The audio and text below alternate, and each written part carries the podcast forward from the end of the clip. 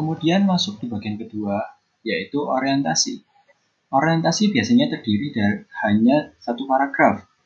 Di dalam slide tersebut, terdapat dua contoh dari penulisan orientasi.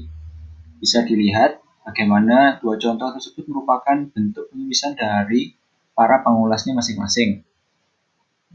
Orientasi biasanya terdiri dari gambaran awal bagaimana karya tersebut atau film tersebut seperti apa gambarannya. Dan orientasi juga bisa memberikan sinopsis agar pembaca dapat memahami apa saja yang akan diulas dari teks ulasan film.